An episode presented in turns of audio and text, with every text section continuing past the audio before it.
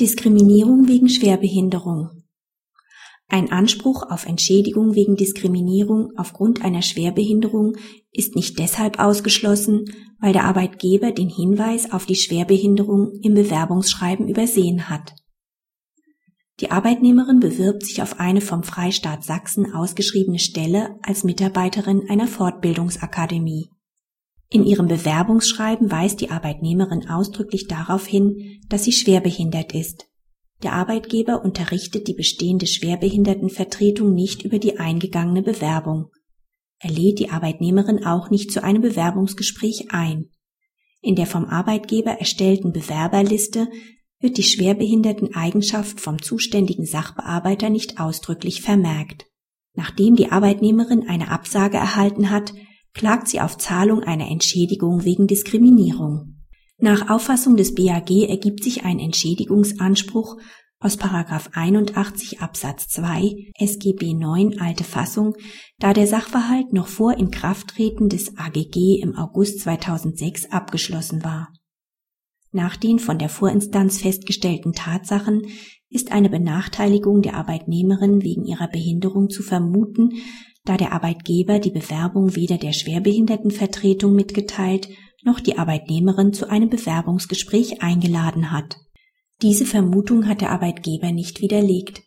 Dabei ist unschädlich, dass die mit der Auswertung der Bewerbungsschreiben befassten Sachbearbeiter die Schwerbehinderung nicht erfasst haben und der Arbeitgeber davon subjektiv keine Kenntnis hatte.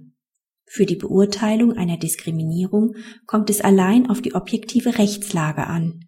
Es genügt, wenn arbeitgeberseitig unterlassene Maßnahmen objektiv geeignet sind, schwerbehinderten Bewerbern keine oder schlechtere Chancen einzuräumen. Das ergibt sich insbesondere aus der Konzeption der gesetzlichen Förderpflichten gegenüber schwerbehinderten Arbeitnehmern. Ist die Mitteilung einer Schwerbehinderung in den Empfangsbereich des Arbeitgebers gelangt, sodass dieser davon Kenntnis nehmen kann, stellt es eine objektive Pflichtverletzung dar, wenn die mögliche Kenntniserlangung unterbleibt. Es würde auch der europarechtlich vorgegebenen Beweislastverteilung zuwiderlaufen, wenn der Arbeitnehmer die positive Kenntnis des Arbeitgebers von der Schwerbehinderung beweisen müsste, obwohl er diese im Bewerbungsschreiben ordnungsgemäß mitgeteilt hat. Praxishinweis die vom BAG zur Entscheidung des Streitfalls herangezogene Anspruchsgrundlage enthält heute einen allgemeinen Verweis auf die Regelungen des AGG. Die vom Gericht herausgearbeiteten Grundsätze dürften allerdings auch für Entschädigungsansprüche nach 15 Absatz 2 AGG gelten.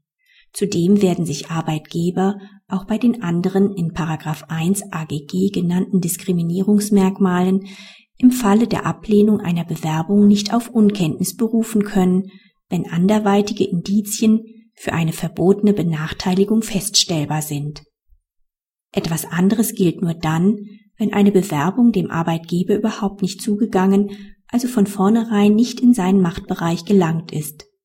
Den Nachweis des Zugangs einer Bewerbung muss auch bei Entschädigungsklagen nach dem AGG der Arbeitnehmer führen